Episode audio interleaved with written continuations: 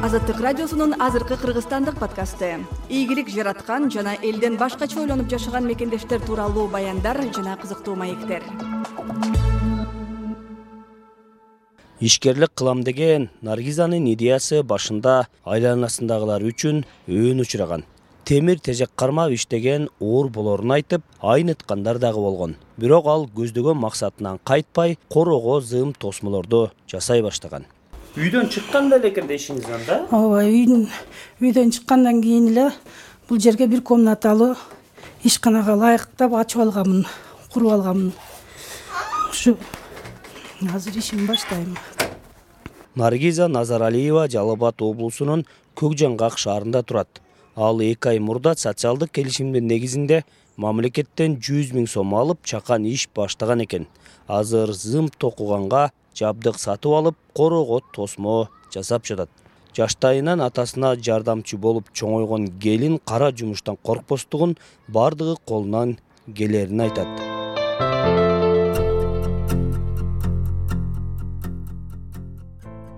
Майлагандын себеби муну моторго күч келбейт анан темирди жебейт экен.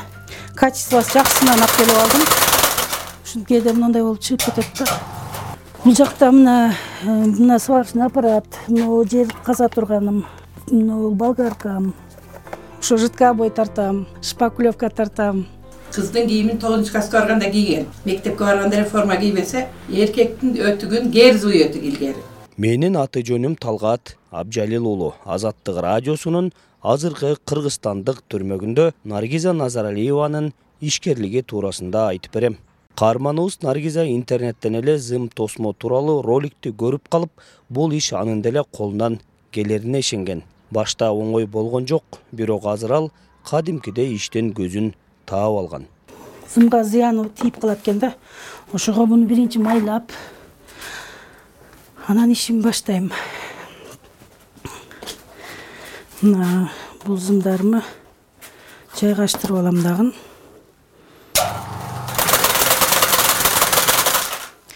муну карап туруп эле могул жакты санайм. Ушинтип туруп эле кырка берем. Болуш керек санаганда? Санаганда мен мындан азыр он тогуз мындай немеден он тогузда кетет да. он тогуз штук болуш керек. Ошондо муну карап туруп эле бул канча ашып кетти. Ошого карап бул жагын ошого карап кыркам да. Эки үч төрт. Азыр экиден токуп атам. Он метрден жыйырма метр токуп атам да бир миң жети жүз бир миң алты жүз килограммына каратырып сата берем анан э, муну станокту сатып алганга изилдей баштадым. Телефондордон интернеттерден изилдеп муну таптым дагы лалафодон. Анан ушу президенттин немесин берилгенден кийин пособиянын өзү эки миң төрт жүз сом пособие алчумун эки балама анан агандан баш тарттым. Барып соц защиталарга соц помощька бардым дагы ушундай деп мен ушундай зым токуйюн деп аттым эле десем булар макулдугун берди. Өзүм жасап карап туруп эле бир көрүп карап кылып кете берем да. Анан эми муну станокту да чыгарсамбы деп атам да э, кичине брак чыгардым. Ошентип эле үйрөнүп кеттим. Ушул иш мага оңоюраак келди да. Балдарымды тыштап башка жерге иштейин дедим а балдарды караганга эч ким жок. Наргиза дээрлик күнү бою чакан устаканасынан чыкпайт балдарын окууга жөнөтүп коюп эле ишке киришет. Тосмого керектүү зымды бишкектен буйртма менен алдырып иштеп жатат он метрдик зым тосмону бир миң жети жүз бир миң сегиз жүз сомдон сатууда. Келечекте иш ордун кеңейтүү үчүн жергиликтүү бийликтен жер да сурап жаткан экен. Үйдө ишкана ачып үйдө бизнес кылсамбы деген ой келди да. Анан комната могул место кичинекей болуп калганына дагы азыр өзүм иштеп атам. Кудай каалап ушу жер пер болуп калса ошол жерге дагы адамдарды иштетип станокторду көбөйтүп чыгарсам деген да оюм бар. Биз дагы ушу мамлекетке жардамыбыз тие турган иштерди кылсак деген да ой бар да. Иш издеп жүргөндөр да бар да. Станокторду өзүм чыгарып жасайын деп атасыз ушу станокту жасап көбөйтүп ушу бир үчөө төртөөнү иштетсем бир эки жылда уже бар жогу билдет айылдар уже үйрөнүп калганда доставка менен эле номер менен эле чалышып жеткизип бергенге дагы мүмкүнчүлүк бар да. Өзүм машина айдайм наргиза назаралиева эски эки кабаттуу көпчүлүк жашаган үйдүн биринчи кабатында турат. Үйүнө жанаша турган бир бөлмө устакананы өз колу менен тургузуп алган экен наргиза зым токугандан тышкары темир кесип ширетип ал тургай үй шыбап дагы акча таап келет.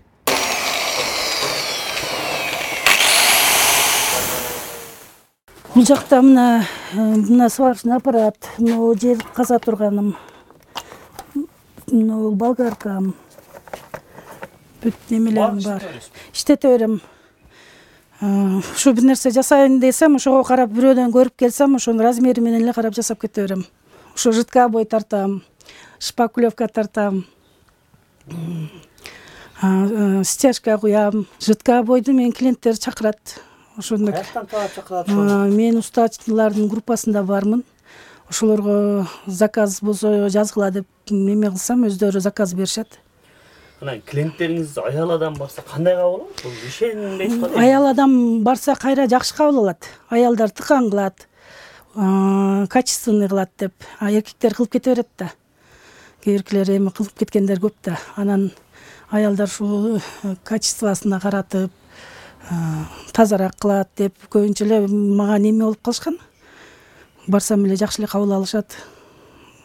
Устачылык жөнүндө жидкобойду өзүңүз эле тартасызбы ооба жок өзүм тартам. Шерик албай азыр заказыңыз барбы иштеп аткан кечээ келдим барып келдим. Үч комната тартып келдим. Ушундай кылып тирилигибиз өтүп атат. Наргиза ишкердикти баштаганы апасы инабархан бабадинова кызынын үйүнө көп келчү болду. Оор жумушту кантип жылдырып жатат деп кабатыр. Жашынан баштап не только эркектин иши эмес кыздын кийимин тогузунчу класска барганда кийген мектепке барганда эле форма кийбесе эркектин өтүгүн герзовый өтүк илгери ушундай немелерди кийип жүргөн өзү мен чындыгын айтам да эми.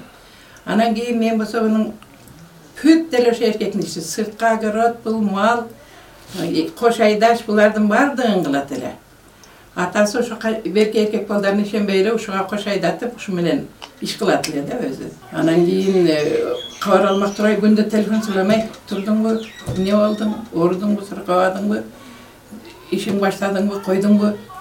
Кечкырын кечкырын алат да көбүнчө. Муну бүтүп колду жууп үйгө киргенде. Чалат ооба апа мына отур мен кудайга шүгүр. А шүгүр деп калам ошентип ушу эми ушу эми кудайым ушуга ушундайды туш келип калыптыр балам. Ушул ишти баштап калыптыр. Эми мейли баштадың дедим. Эми кудайыма миң кала шүгүр. Ушул ишиңди таштабай. Эми элдин керегине жарай бер деп отурам балам. Эми башка башкалары бул мугалимдик окутайын же медсестра десем башынан болбой койгон балам. А башкалары мугалими бар медсестрасы бар башкалары бар көк жаңгак шаары табияты кооз жаңгак жемиши төгүлгөн токойлуу аймакта жайгашкан. Бир миң тогуз жүз элүү сегизинчи жылы көк жаңгак шаарында калктын саны жыйырма жети миң болсо азыр ал шаарда он миңдей көп улуттуу эл жашайт.